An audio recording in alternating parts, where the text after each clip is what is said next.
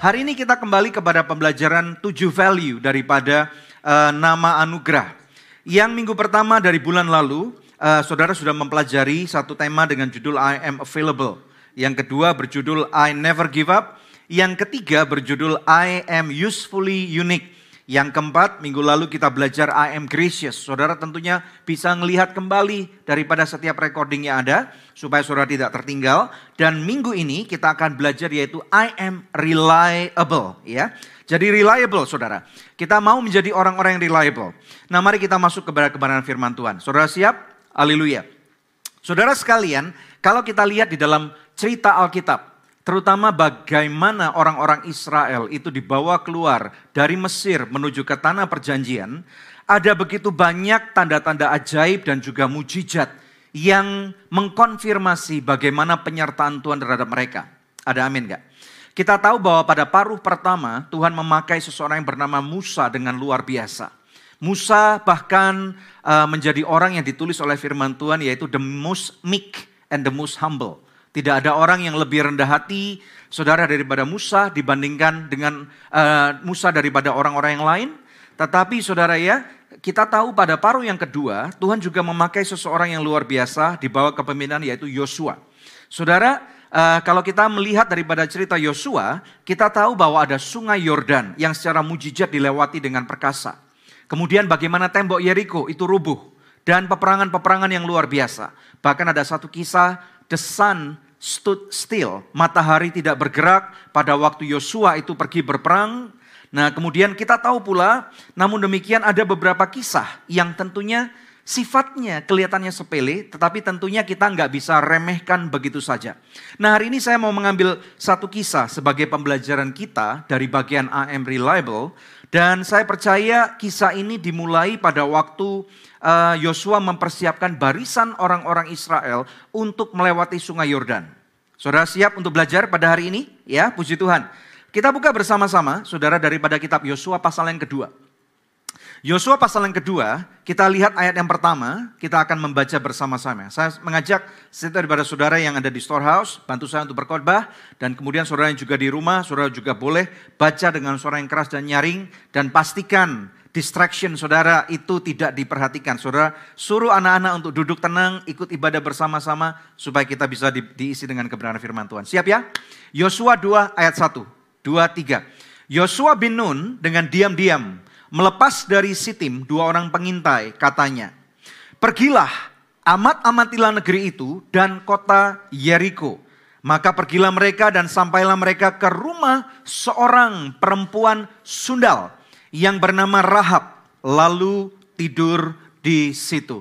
Saudara, ada sesuatu yang menarik. Nah, ini saya jadikan poin yang pertama. Poin yang pertama itu adalah berbicara tentang kita harus belajar dari kesalahan masa lalu. Nah, saudara, tentunya untuk menjadi reliable, saudara, kita tahu untuk menjadi reliable berarti saudara harus tahu not reliable itu apa. Arti daripada reliable sendiri adalah dapat diandalkan. Ya, berarti saudara harus belajar daripada masa lalu. Pada waktu engkau melihat bagaimana ketika misalnya dirimu atau orang-orang lain itu tidak reliable, tidak dapat diandalkan. Nah, saudara masih ingat kisah kalau kita melihat tadi dikatakan Yosua bin Nun diam-diam melepas uh, dari Sitim dua orang pengintai. 20 tahun yang silam ada kejadian di mana Yosua yang sama ini yang menjadi bagian daripada 12 pengintai. Dia diutus oleh Musa bersama dengan 11 orang yang lain. Masih ingat nggak kejadian ini? Nah waktu itu sebenarnya saudara, Tuhan menginginkan untuk mereka segera masuk ke dalam tanah perjanjian. Namun demikian ada satu kejadian di mana pada waktu pengintai ini diutus. Saudara kita perlu tahu yang namanya pengintai ini biasanya diutus dengan senyap. Tidak banyak orang yang tahu. Tetapi dengan jelas firman Tuhan mengatakan, saudara bisa lihat ini dalam kitab bilangan. Bilangan 13 tentunya di ayat 32 dan ayat 33. Saudara di sana dikatakan pada perikop ini, di sana dijelaskan bagaimana Tuhan menyuruh mengutus ada 12 orang. Yang merupakan delegasi daripada orang-orang Israel. Dan dikatakan oleh firman Tuhan, oleh Tuhan mengatakan mereka adalah para pemimpin. Nah tetapi bagaimana para pemimpin itu, saudara, sesuatu yang luar biasa nih. Mereka melihat hal yang sama. Mereka memasuki tanah perjanjian yang sama. Tanah orang-orang kanaan. Mereka melihat bagaimana tanah ini benar dikonfirmasi seperti yang Tuhan janjikan melimpah dengan susu dan madu. Bahkan saudara tahu bahwa di dalam kata Alkitab dikatakan bukan cuman melimpah dengan susu dan madu, tetapi saking suburnya saudara setandan buah anggur. Biasanya standar buah anggur itu sekitar segini saudara. Ada yang sekitar kalau kecil itu sekitar 20 yang senti. Kalau yang lebih besar sekitar 35 sampai 40 senti. Tetapi kata Alkitab pada zaman itu dikatakan 12 mata-mata itu membawa kembali saudara setandan anggur seukuran orang dewasa. Ini menunjukkan ada sesuatu yang luar biasa bahwa benar tanah yang dijanjikan oleh Tuhan, tanah yang diberikan melalui covenant atau sumpah Tuhan kepada nenek moyang mereka yakni Abraham, bahwa bagaimana Tuhan akan memelihara orang-orang Israel, anak-anak Abraham, itu akan menjadi nyata. Namun sayangnya ada kesalahan yang terjadi. Bahwa orang-orang Israel, 10 daripada 12 pemimpin ini, mereka lebih melihat permasalahan daripada janji Tuhan. Perlu saudara tahu bahwa di dalam janji Tuhan tidak akan diberikan atau Tuhan tidak akan izinkan segala sesuatu terjadi dengan mudah begitu saja. Kalau kita memang bisa memilih antara hal yang sukar dan hal yang mudah, mana yang kita mau pilih? Tentu dong, manusiawi kita akan pilih hal yang mudah. Tetapi kalau kita mau tahu, saudara, bahwa di dalam hal-hal yang sukar itu bisa menjadi justru satu ujian kehidupan ujian iman, ujian kesetiaan.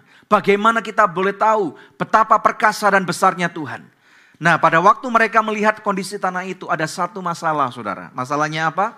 Di sana ada orang-orang raksasa dari suku enak. Padahal nggak semua. Tidak semua daripada suku itu adalah orang-orang raksasa, hanya sebagian kecil. Namun yang kecil ini mereka besarkan saudara. Nah di dalam Alkitab bilangan 13 ayat 32 dikatakan. Juga mereka menyampaikan kepada orang Israel apa tuh? Kabar busuk. Tentang negeri yang mereka intai dengan berkata, negeri yang telah kami lalui untuk diintai adalah suatu negeri yang memakan penduduknya. Dan semua orang yang kami lihat di sana adalah orang-orang yang tinggi-tinggi perawakannya. Padahal apakah benar orang-orang di sana memakan penduduknya alias kanibal? Enggak benar saudara. Mereka membesarkan masalah yang ada. Kemudian dikatakan ayat 33, kami juga lihat di sana orang-orang raksasa, orang enak. Enak ini bukan enak dimakan tetapi namanya suku enak. Saudara ya. Orang-orang enak ini eh, menurut Alkitab adalah bagian daripada sukunya Goliat. Ya, yang raksasa dikalahkan oleh Daud eh, beratus-ratus tahun kemudian. Yang dikatakan saudara orang enak yang berasal dari orang raksasa dan kami lihat diri kami seperti apa? Belalang. Dan demikian juga mereka terhadap kami. Point of view bagaimana saudara melihat dirimu ini sangat penting. Menentukan apakah saudara akan menjadi seseorang yang reliable atau tidak. Sangat disayangkan sekali dengan berbagai macam tanda ajaib dan mujizat mereka tetap memilih untuk membesarkan masalah. Mereka tetap memilih untuk tidak melihat kedaulatan rencana Tuhan di atas permasalahan yang ada. Menurut saya sayang sekali. Tetapi saudara kita perlu tahu, kita tidak tidak boleh hanya menghakimi orang Israel begitu saja. Karena orang-orang Israel ini tegar tengkuk, mereka tidak mau dengar apa yang firman Tuhan katakan, mereka tidak obedient, mereka tidak nurut. Nah ini adalah gambaran daripada kehidupan kita. Katakan gambaran kehidupan saya. Saudara boleh tuliskan itu. Gambaran bagaimana kita dulu orang-orang yang bebal tidak bisa menerima kebenaran firman Tuhan. Yang sudah diajarkan sesuatu yang benar tetapi memilih yang salah. Bukankah sama seperti orang-orang yang tidak dewasa? Kalau kita melihat konteks daripada anak-anak kecil, anak-anak tidak mudah untuk percaya kepada orang tuanya. Betul nggak? Terutama kalau saudara punya anak yang sudah berusia remaja. Akan ada banyak saudara ya, sanggahan-sanggahan daripada anak saudara kepada saudara. Nah namun demikian apa yang diinginkan orang tua adalah bagaimana supaya anaknya tentunya dapat percaya apa yang orang tua katakan. Nah kalau kita melihat konteks daripada ini, saudara, tentunya Tuhan sudah membuktikan. Laut merah dibelah, betul nggak? Tidak ada air menjadi ada air. Makanan diberikan, mana diberikan. Ada tiang awan di siang hari yang begitu terik dan panas. Ada tiang api di tengah malam yang sangat menggigil dan dingin. Tuhan sudah menyediakan itu semua. Tuhan sudah membuktikan. Namun demikian orang-orang ini tetap melihat dan berkata, diri kami seperti belalang, grasshopper. Dan demikian pula mereka melihat kami. Kalau mentalitasmu adalah belalang, maka engkau akan tidak akan pernah meraih potensi Tuhan yang sebenar-benarnya. Belalang tidak akan mungkin masuk ke dalam tanah perjanjian. Dengar baik-baik saudara, di dalam setiap kehidupan saudara ada janji Tuhan yang sangat besar. Saya tidak tahu secara pribadi apa yang menjadi assignment, penugasan, destinasi Tuhan bagi saudara? Ini kita bisa sebut calling, kita bisa sebut visi. Kalau untuk gereja kita, kita tahu to be storehouse of the kingdom of God. Makanya kita belajar values ini, bagaimana kita menjadi reliable. Bagaimana dengan menjadi reliable, kita akan masuk satu langkah mengerjakan, menghidupi, mengejar visi Tuhan itu terjadi pada kehidupan kita. Mari kita lihat definisi daripada reliable. Reliable itu artinya dapat dipercaya. Yang paling mudah gampangnya itu, dapat dipercaya. Arti kedua dapat dikatakan pula konsisten. Konsisten itu nggak putus. Seperti matahari yang terbit di ufuk timur, terbenam di barat. Ada hujan nggak ada hujan, ada uang nggak ada uang. Negara mana pun juga, siapa pun presidennya, ada perang ataupun damai. Saudara, kita tahu bahwa matahari tetap akan konsisten. Dapat diandalkan, itu terutama di saat yang penting dan genting. Orang-orang Israel, para pemimpin ini, mereka gagal paham bahwa saudara mereka menyepelehkan laporan itu. Berhati-hati Bapak Ibu sekalian, pada waktu engkau dirundung oleh pergumulan, pada waktu engkau kena tulah, pada waktu engkau kena masalah. Orang-orang Israel di Mesir mereka kena tulah. Tetapi Tuhan membuat perbedaan. Di tanah Goshen terjadi perbedaan. Saudara pada waktu seluruh dunia kena pandemik, orang Kristen Anak-anak Tuhan, gereja Tuhan juga mengalami pandemik. Tetapi kita tidak boleh ngomel. Kita tidak boleh berkata, matilah aku. Aku seperti belalang. Mereka dunia akan melumat aku. Covid ini akan menghancurkan kehidupanku. Tetapi justru kita harus melihat adanya opportunity. Kesempatan-kesempatan yang luar biasa. Secara pribadi saudara saya melihat di tengah-tengah Covid ini ada banyak sekali percepatan. Ada banyak sekali perubahan-perubahan Suka nggak suka, you better learn to accept, to embrace perubahan-perubahan yang ada. Ayo, apakah saudara siap untuk menjadi orang-orang yang reliable di tengah-tengah kehidupan ini? Karena Tuhan mau pakai saudara. Saudara dari kata-kata reliable. Nah, kemudian kata berikutnya yang perlu kita pelajari adalah reliability. Ya, reliability ini uh, tentunya kalau diartikan secara harafiah pada bahasa Indonesia adalah saudara suatu kondisi di mana kita itu membuktikan reliability adalah pembuktiannya daripada suatu ketahanan. Nah, saudara ada nggak? Saudara pernah berpikir nggak bahwa pergumulan-pergumulanmu, kesukaran-kesukaran kehidupan yang saudara alami, Tuhan izinkan terjadi pada kehidupan saudara, ini sebenarnya adalah bagian daripada ujian ketahanan itu.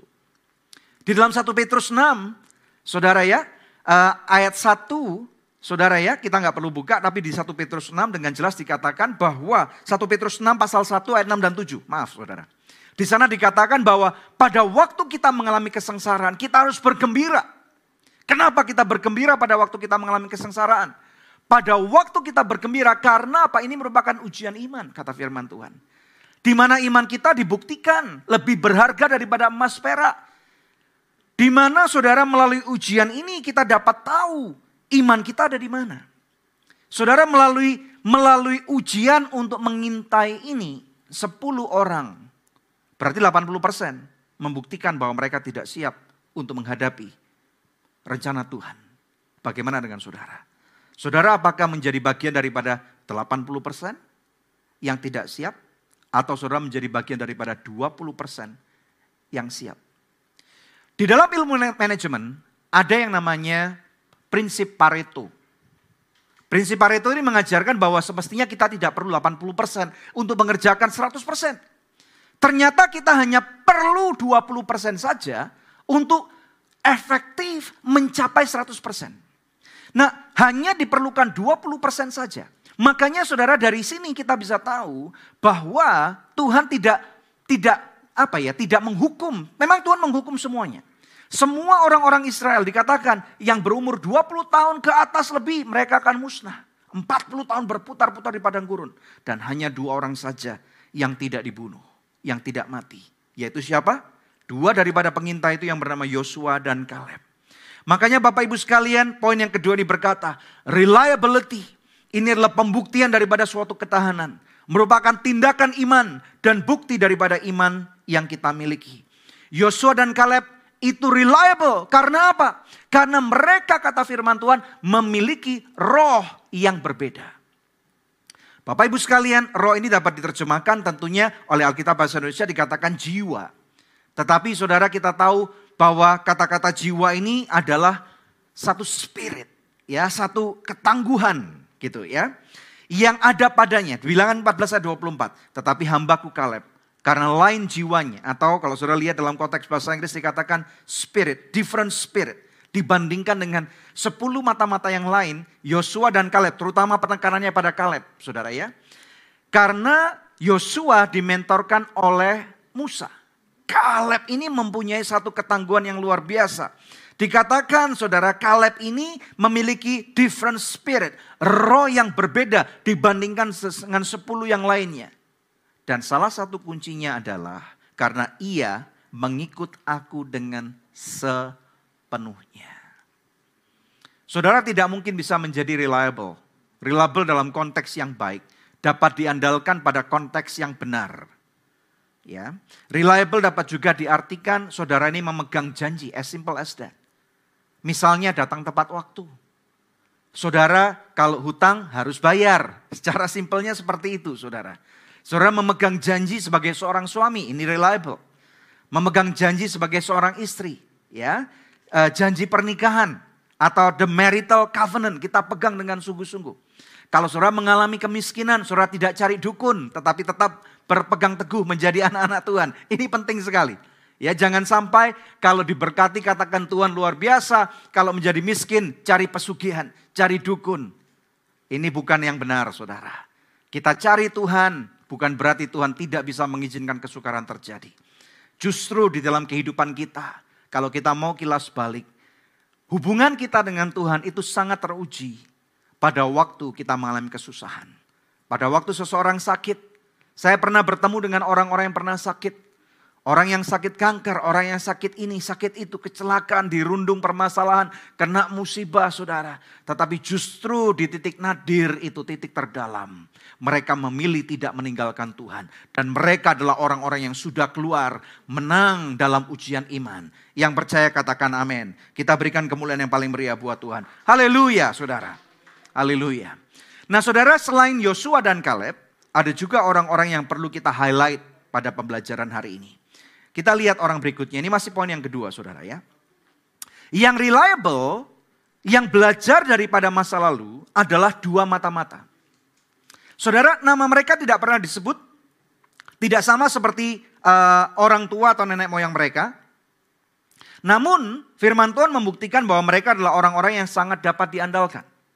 Bagaimana dengan saudara? Saudara, Orang-orang yang dapat diandalkan berarti adalah orang-orang yang menerima satu assignment, penugasan. Dan kemudian saudara bahkan hasil daripada uh, tugas mereka menjadi spy, menjadi mata-mata. yakni orang Israel memperoleh afirmasi atas kedahsyatan Tuhan. Saudara nanti di rumah saudara bisa baca seluruh konteks daripada Yosua 2. Di sana dikatakan saudara bagaimana mereka bertemu dengan uh, Rahab ini pelacur ini saudara. Perempuan sundal ini kata Alkitab. Kemudian bagaimana Raja Yeriko itu kemudian mengejar mereka. Dan bagaimana kemudian Rahab itu memilih menyelamatkan mereka. Itu nanti next uh, persona berikutnya yang akan kita bahas. Nah tetapi dari sini saudara, mereka mendengarkan dari mulut Rahab sendiri. Orang Yeriko, Orang yang kemudian berkata bahwa kami kagum dengan apa yang Tuhanmu lakukan. Kita lompat saudara ya ke slide yang ke-14. Yang ke slide 13 maaf. Yosua 2 ayat 8 sampai dengan 11. Dikatakan, tetapi sebelum kedua orang itu tidur, naiklah perempuan itu mendapatkan mereka di atas sotoh. Dan berkata kepada orang-orang itu, Aku tahu bahwa Tuhan telah memberikan negeri ini kepada kamu dan bahwa kengerian terhadap kamu telah menghinggapi kami dan segala penduduk negeri ini gemetar menghadapi kamu. Sebab kami mendengar bahwa Tuhan telah mengeringkan air laut, air laut teberau di depan kamu. Ketika kamu berjalan keluar dari Mesir dan apa yang kamu lakukan kepada kedua raja orang Amori yang di seberang sungai Yordan itu yakni kepada Sihon dan Ok yang telah kamu tumpas. Saudara, ternyata pada waktu mereka mengira bahwa Tuhan tidak menyertai mereka. Ketika kita mengira, kenapa Tuhan meninggalkan kita? Ternyata ada banyak orang yang bisa belajar daripada kesusahan kehidupan kita. Makanya saya sungguh percaya kita dapat menjadi alat pamer kerajaan surga. Menjadi the display, the front facade of the kingdom of God. Bukan saja ketika kita diberkati. Tetapi justru ketika kita mengalami himpitan, tekanan, masalah-masalah dalam kehidupan. Mereka tidak tahu ini saudara. Tetapi justru pada waktu mereka mendengarkan berita ini. Dua mata-mata itu kemudian melaporkan kepada Yosua dan kepada seluruh orang Israel. Mereka memilih untuk memberitakan laporan-laporan yang baik. Orang tua mereka memilih untuk memberitakan laporan busuk. Berhati-hati Bapak Ibu sekalian terhadap ucapan mulut saudara. Kitab Amsal mengatakan hidup dan matimu ada pada ujung lidah kamu. Saudara, bagaimana ucapanmu pada hari-hari ini? Apakah saudara lebih melihat permasalahan di dalam COVID? Memang kita semua kena masalah. This is the truth of the matter. Ini fakta, betul nggak? Tetapi apakah fakta ini akan melumat kehidupan saudara? Atau saudara akan memilih untuk diam? Kitab Amsal mengatakan justru pada waktu kamu diam, kamu nggak kelihatan bodoh. Orang yang suka ngomong, orang yang suka ngomentarin, itu akan kelihatan bodohnya, saudara. Semakin banyak kamu ngomong, semakin kamu akan menjadi orang yang kelihatannya confident. Tetapi yang terjadi kamu adalah orang yang over confident. Yang terjadi tiba-tiba kamu mengucapkan hal yang salah. Tiba-tiba kamu beropini kepada sesuatu yang tidak menjadi ranah kamu. Dan kemudian musuh dapat menggunakan ini untuk menjatuhkan kehidupanmu. Berhati-hati Bapak Ibu sekalian terhadap apa yang kita pilih untuk kita katakan. Karena apa? Ada kuasa pada mulut kita. Tahukah saudara, kalau engkau tidak puas dengan kondisi kehidupanmu, maka saudara harus pilih untuk mengatakan hal yang menjadi kebenaran firman Tuhan. Kalau saudara nggak puas dengan keuanganmu, ucapkan janji Tuhan terhadap keuangan saudara. Kalau engkau nggak puas terhadap pernikahanmu, ucapkan apa yang menjadinya seharusnya benar. Janji Tuhan terhadap pernikahanmu. Jangan cuman engkau merongrong suami istri di dalam pernikahanmu. Tapi rubah dulu kondisimu. Ucapkan dulu sesuatu yang benar. Kalau engkau tidak suka dengan kesehatanmu, ayo ucapkan yang benar. Katakan, aku sembuh dengan bilur-bilurnya Yesus. Tetapi bukan cuman mengambil mengutip dan tidak melakukan. Tetapi siap untuk berubah. Siap untuk dirubah melalui kebenaran firman Tuhan. Yang percaya katakan amin. Mari kita lihat sosok berikutnya, Rahab. Saudara, Rahab ini kalau kita tahu bahwa di dalam konteks Alkitab, sering kali perempuan itu tidak ditulis namanya, disepelehkan. Tidak sedikit, hanya sedikit saja. Wanita-wanita yang namanya ditulis di dalam Alkitab. Salah satunya adalah Rahab. Padahal saudara menurut saya kalau kita lihat daripada apa yang ditulis oleh Alkitab, Rahab ini sosoknya kontroversial banget. Kenapa demikian? Karena Rahab perempuan sundal. Apa sih definisi daripada perempuan sundal? Ya tentunya perempuan yang saudara gonta-ganti pasangan. Dalam to the point, extent, dia ini bersetubuh dengan laki-laki yang bukan suaminya. Betul nggak saudara ya? Nah tentunya apalagi di sana dikatakan perempuan sundal karena dia dikatakan oleh firman Tuhan jelas-jelas pelacur, prostitut. menjual dirinya untuk keuntungan. Apa yang dapat kita pelajari? Rupanya saudara, perempuan yang justru dianggap hina oleh society, oleh masyarakat ini, tetapi justru dia melihat esensi daripada kebenaran. Saya tidak mengatakan bahwa setiap perempuan sundal atau prostitusi ini bisa melakukan yang benar, tidak. Ya. Yang harus kita pelajari daripada kehidupan Rahab, kenapa dia kok memilih untuk melakukan hal itu? Nah, kita dapat lihat nih Saudara ya, di dalam Yosua 2 tadi, kita melihat di ayat yang ke-11. Tadi dikatakan bagaimana orang-orang orang-orang uh, Yeriko mendengarkan bagaimana Tuhan menyertai orang Israel. Saudara kemudian di ayat 11 dikatakan ketika kami mendengar hal itu, tawarlah hati kami. Jatuhlah semangat setiap orang menghadapi kamu. Sebab Tuhan Allahmu ialah Allah di langit di atas dan di bumi di bawah. Karena kalau nggak ada ayat ini bahaya banget. Apa yang dilakukan oleh Rahab ini adalah uh, pengkhianatan terhadap negerinya. Betul nggak? Betul nggak saudara? Ya, makanya kita harus melihat nih, kalau ada orang yang nyuruh kita untuk membuat suatu janji, tetapi janji itu mengandung pelanggaran hukum, ya jangan diikuti. Kalau ada bagaimana saudara ya, orang tuamu, saya katakan ini orang tua khususnya bagi Anda yang sudah mulai dewasa. Mereka yang kalau misalnya masih kanak-kanak, saudara sering kali tidak punya pilihan. Harus menuruti 110% all out apa yang orang tua katakan. Tetapi saudara ya bahkan anak-anak sekalipun kalau mereka diberikan kesempatan bicara, tahu nggak saudara? Anak-anak kita itu menjadi cermin atau menjadi penyuara kebenaran yang paling kuat buat kita. Paling gampang kalau orang tua, kalau saya misalnya melewati lampu merah, kalau anak anak yang masih kecil saudara. Nggak usah terlalu gede, 8 tahun, 9 tahun. Jadi kok ngelewati lampu merah sih? Gitu saudara. Itu yang paling gampang. Ya, kemudian uh, misalnya, jadi kok misalnya nggak ke gereja sih? Jadi kok nggak pernah baca Alkitab? Misalnya seperti itu saudara. Ya atau mungkin kadang-kadang saudara misalnya uh, melakukan hal yang tidak senonoh. Saudara pikir itu benar. Tapi Saudara lebih memilih untuk melakukan apa yang saudara suka daripada kebenaran, anak-anakmu bisa menjadi corong suara kebenaran yang paling kuat. Betul nggak saudara? Nah makanya tanpa ayat 11 ini, Rahab itu pengkhianat di mata bangsanya. Betul nggak? Dia adalah orang yang uh, tidak mempunyai pendirian. Kita tahu saudara misalnya Soviet dan Ukraina sekarang yang lagi ini. Mereka lagi perang. Dan ternyata peperangannya lebih lama daripada yang diperkirakan oleh Rusia. Tadi pagi saya membaca artikel.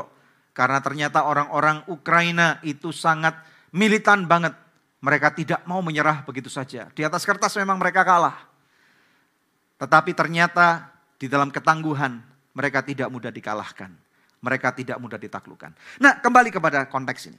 Di ayat 11 alasan Rahab menolong adalah ini. Sebab Tuhan Allahmu ialah Allah di langit, di atas, dan bumi di bawah. Saudara sekalian, kita beruntung kita mengenal Tuhan yang hidup. Tuhan yang sebenar-benarnya. Tuhan yang memilih mati di kayu salib buat saudara dan saya. Tuhan yang tidak menyuruh kita untuk membalas kejahatan dengan kejahatan. Tuhan yang menyuruh kita untuk mengasihi orang yang justru membenci kita. Tuhan yang menyuruh untuk memberikan kesempatan kedua, mengampuni dan bahkan mengampuni kita dulu supaya kita dapat mengampuni orang lain. Makanya saudara Rahab mengambil keputusan yang sangat tidak populer. Bapak Ibu sekalian, tetapi kemudian keputusan ini justru membawa kehidupan bagi dirinya dan seluruh keluarganya. Belajar sesuatu? Belajar sesuatu saudara? Ya, Bagaimana dengan dirimu? Bagaimana hubunganmu dengan Tuhan? Rahab tidak punya Alkitab, tidak ada YouTube. Tidak ada khotbah-khotbah yang seperti hari ini kita kita terima dengan begitu melimpah, abundance banget. Bahkan kadang-kadang kita udah dengar kata-kata, yuk ibadah kayaknya udah capek gitu saudara. Ya, tetapi justru kita tidak boleh capek. Katakan saya tidak boleh capek, tidak boleh lelah mencari Tuhan. Haleluya. Matius 6:33 mengatakan carilah uh, kerajaan surga dan seluruh kebenarannya. Maka segala sesuatu yang dicari oleh orang-orang di dunia ini akan ditambahkan kepada kehidupan saudara. Yang percaya katakan amin. Yuk kita lihat poin yang ketiga. Ini poin yang terakhir. Reliability ini ternyata creates trust. Menghasilkan kepercayaan. Rasa percaya orang lain terhadap diri kita. Yuk kita tengok dulu. Kita lihat dulu ya, nanti saya akan bantu jabarkan. Saya ulang surah. Reliability creates trust. Menghasilkan rasa percaya orang lain kepada diri kita. Bukti memang benar kita ini layak dipercaya. Apakah itu untuk masalah nama baik? Apakah itu untuk waktu? Tadi saya sudah katakan. Apakah itu untuk kesetiaan di dalam pekerjaan, pernikahan? Apakah untuk ucapan mulut kita? Apakah ucapan mulut kita ini dolak-dalik, berubah-ubah seperti uh, kondisi angin, saudara? Kita nggak bisa seperti itu. Kita lihat, saudara, dari apa yang terjadi dengan dengan Rahel, uh, sorry, dengan bukan dengan Rahel, dengan Rahab dan dua daripada mata-mata itu, saudara. Kita lihat bagaimana akhir daripada cerita di Yosua pasal yang kedua ini. Saudara, akhirnya daripada dua mata-mata itu berhasil melarikan diri. Nah, bagaimana mereka bisa melarikan diri? Tentunya Rahab punya peran serta yang sangat sangat luar biasa di sana. Nah, Saudara kita lihat di dalam uh, ayat lagi ini, Saudara. Yosua 2 ayat 17 sampai dengan 21. Ini pada waktu mereka akan berpisah.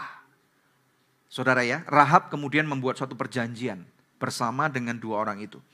Kedua orang itu berkata kepadanya, kami akan bebas dari sumpah ini kepada kamu yang telah kau suruh kami ikrarkan. Sumpahnya apa saudara? Supaya keluarganya tidak dibunuh. Orang-orang Israel akan uh, mengalahkan Yeriko. Kita tahu ini peristiwanya. Betul nggak ya? Dan tentunya Rahab berharap, aku sudah nolong kamu. Aku percaya kepada Tuhanmu. Jangan dibinasakan aku. Aku bersama dengan seluruh isi rumahku. Nah makanya orang-orang uh, mata-mata ini berkata, kami akan bebas dari sumpah kami ini kepadamu yang telah kau suruh kami ikrarkan. Ayat 18, sesungguhnya apabila kami memasuki negeri ini, haruslah tali dari benang kirmisi ini kau ikatkan pada jendela tempat engkau menurunkan kami. Dan ayahmu serta ibumu serta saudara-saudaramu serta seluruh kaum keluargamu, kau kumpulkan di rumahmu. 19. Setiap orang yang keluar nanti dari pintu rumahmu, harus sendiri menanggung akibatnya. Kalau darahnya tertumpah dan kami tidak bersalah, tetapi siapa pun juga yang ada di dalam rumahmu, jika ada orang yang mencitrainya, kamilah yang menanggung akibat pertumpahan darahnya. Ayat 20. Tetapi jika engkau mengabarkan perkara kami ini, maka bebaslah kami dari sumpah itu uh, yang telah kau suruhkan kepada kami ikrarkan. Ayat 21. Perempuan itu pun berkata, seperti yang telah kamu katakan demikianlah akan terjadi.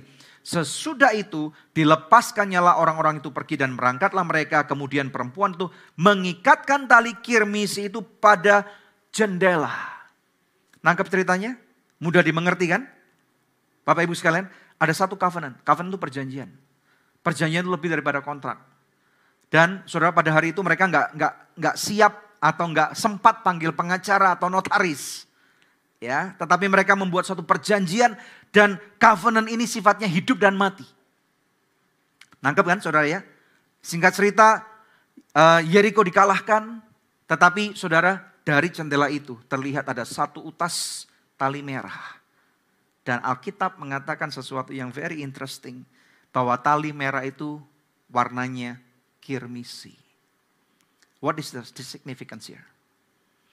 Bapak Ibu sekalian, di dalam kehidupan kita ada satu covenant yang lebih hebat daripada covenant ini. Covenant yang dibuat manusia saja sifatnya juga sudah luar biasa. Ada satu covenant di atas covenant, yakni covenant yang diberikan oleh surga melalui Tuhan Yesus Kristus kepada kita. Darah yang tercurah, yang warnanya merah seperti kirmisi. Ini menanggung dosa kita. Makanya Bapak Ibu sekalian, covenant Tuhan Yesus ini dimeteraikan melalui apa yang Tuhan Yesus sudah lakukan di atas kayu salib. Tertulis di Yesaya 1 18. Ini ayat sering kita kutip. Mungkin sering saudara dengar. Yang mengatakan sekali dosamu merah seperti kirmisi. Akan menjadi putih seperti salju. Sekalipun berwarna merah seperti kain kesumba. Akan menjadi putih seperti bulu domba. Haleluya. Mari Bapak Ibu sekalian. Kita hidupi covenant ini. Kalau covenant yang dibuat oleh mata-mata kepada Rahab. Itu berhasil menyelamatkan Rahab bersama dengan seluruh isi rumahnya. Bahkan demikian dikatakan Yakobus 2:25. Demikian juga dengan Rahab pelacur itu dibenarkan karena perbuatan-perbuatannya. Ketika ia menyembunyikan orang-orang yang disuruh itu di dalam rumahnya, lalu menolong mereka lolos melalui jalan yang lain. Saudara mari, di akhir daripada pemberitaan firman Tuhan ini. Ada tantangan buat kita untuk menjadi tidak reliable. Kalau kita menggantungkan untuk menjadi reliable dengan pikiran, kekuatan, kepintaran kita. Dengar baik-baik, kamu pasti akan gagal. Kamu pasti akan menjadi seseorang yang tidak reliable. Tetapi kalau kita menggantungkan diri kita di atas kebenaran firman Tuhan, kita rela berjalan bersama dengan Tuhan, mengiring dan melakukan apa yang menjadi kehendaknya sering kali memang tidak mudah. Tetapi justru di dalam kondisi yang tidak mudah, imanmu diuji. Dan di dalam kitab Yakobus, ini saya suka banget, saudara, karena saya orangnya lebih suka praktikal. Dikatakan, iman itu kalau tidak ada pembuktiannya adalah nol, mati. Maka iman itu harus dibuktikan melalui perbuatan. Jadi fokusnya sebenarnya bukan di dalam tindakannya. Tetapi tindakan iman, the act of faith. Kalau tindakan kita melawan kebenaran firman Tuhan, itu percuma reliable. Kalau tindakan kita tidak berlandaskan kebenaran firman Tuhan, percuma juga. Makanya kita harus menjadi anak-anak Tuhan yang berdasarkan kebenaran firman Tuhan. Mengerti firman Tuhan. Tidak cuma dengar firman dari gereja. Tidak cuma mendengarkan kesaksian orang. Tetapi saya berdoa, saudara akan menjadi tangan pertama mengalami Tuhan di dalam kehidupan saudara. Sehingga pada waktu saudara akan mengalami Tuhan dalam kehidupanmu. Saudara akan akan mengalami ujian itu. Dan di akhir daripada ujian itu saudara akan berkata, Tuhan bukan dengan kuat dan gagahku. Tetapi dengan kuasa roh kudusmu yang sudah menolong aku. Dan bahkan membantu aku untuk menjadi reliable. Mari saudara, terima kebenaran ini.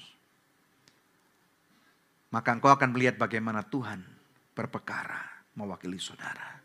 Semoga saudara diberkati dengan apa yang saya bagikan pada hari ini. Mari kita bangkit berdiri saudara. Reliable itu artinya kita memegang komitmen. Dunia di mana kita hidup pada zaman ini sering kali memamerkan tidak adanya komitmen. Pernikahan yang mudah putus. Mungkin karena perselingkuhan. Mungkin karena egoisme, menang mau menang sendiri. Mungkin saja perjanjian mulut untuk melaksanakan satu kongsi dagang itu harus rusak karena satu atau dua-dua orang tidak memegang komitmen. Bahkan dengan dalih mengatakan kan belum ada perjanjian. Makanya Bapak Ibu sekalian, kalau engkau melakukan bisnis, lakukan prinsip bisnis, buat perjanjian. Kita menjadi reliable bukan karena kekuatan kita, tetapi kita menjadi reliable karena kekuatan Tuhan. Mari kita berdoa. Bapak dalam nama Tuhan Yesus Kristus, kami berterima kasih kalau kami boleh menerima firman-Mu pada hari ini. Terima kasih Tuhan. Ujung daripada reliability itu. Kami melihat bagaimana Tuhan Engkau akan percaya kepada kami. Saudara firman Tuhan mengatakan, setialah kamu kepada perkara yang kecil. Maka Tuhan sendiri akan mempercayakan perkara-perkara yang besar kepadamu. Seringkali kita bertanya, Tuhan kenapa aku kok cuman dipercaya kecil? Apakah mungkin selama ini ada bagian-bagian kehidupanmu di mana saudara belum menjadi orang yang reliable? Tetapi sekarang kita semua udah mengerti, kita semua belajar sesuatu. Kalau firman ini berbicara kepada kehidupanmu, di mana saudara berada, apakah di storehouse atau di rumah, saudara boleh mengangkat tanganmu. Dan boleh berdoa dan berkata, Tuhan ubah hatiku. Karena Tuhan sering kali aku gagal. Tetapi aku mau menghidupi kebenaran firman Biarlah engkau yang reliable itu hidup pada diriku. Sehingga Tuhan engkau akan menemukan aku memiliki roh yang berbeda dengan dunia ini. Roh kudus kami perlu engkau. Sehingga Tuhan kami boleh memiliki hikmatmu, kemampuan untuk menimbang. Apakah hal itu benar atau salah? Dan supaya kami Tuhan dapat mempermuliakan namamu. Terima kasih untuk kebenaran firmanmu. Mari saudara engkau terima kebenaran ini. Dan biarlah pada waktu engkau mencari kebenaran firman Tuhan. Akan ada suatu progres yang nyata. Hidupmu akan menjadi reliable. Dan nama Bapa di surga dipermuliakan melalui kehidupan saudara. Engkau terima berkat ini. Di dalam nama Tuhan Yesus Kristus. Yang percaya dan sudah diberkati Tuhan. Bersama dengan kami semua katakan. Amin. Terima kasih karena kamu sudah join dan mendengarkan khotbah dari Pastor Daniel Hendrata. Yuk share ke teman-teman lainnya agar lebih banyak lagi jiwa yang diberkati. Anugerah Church at Storehouse.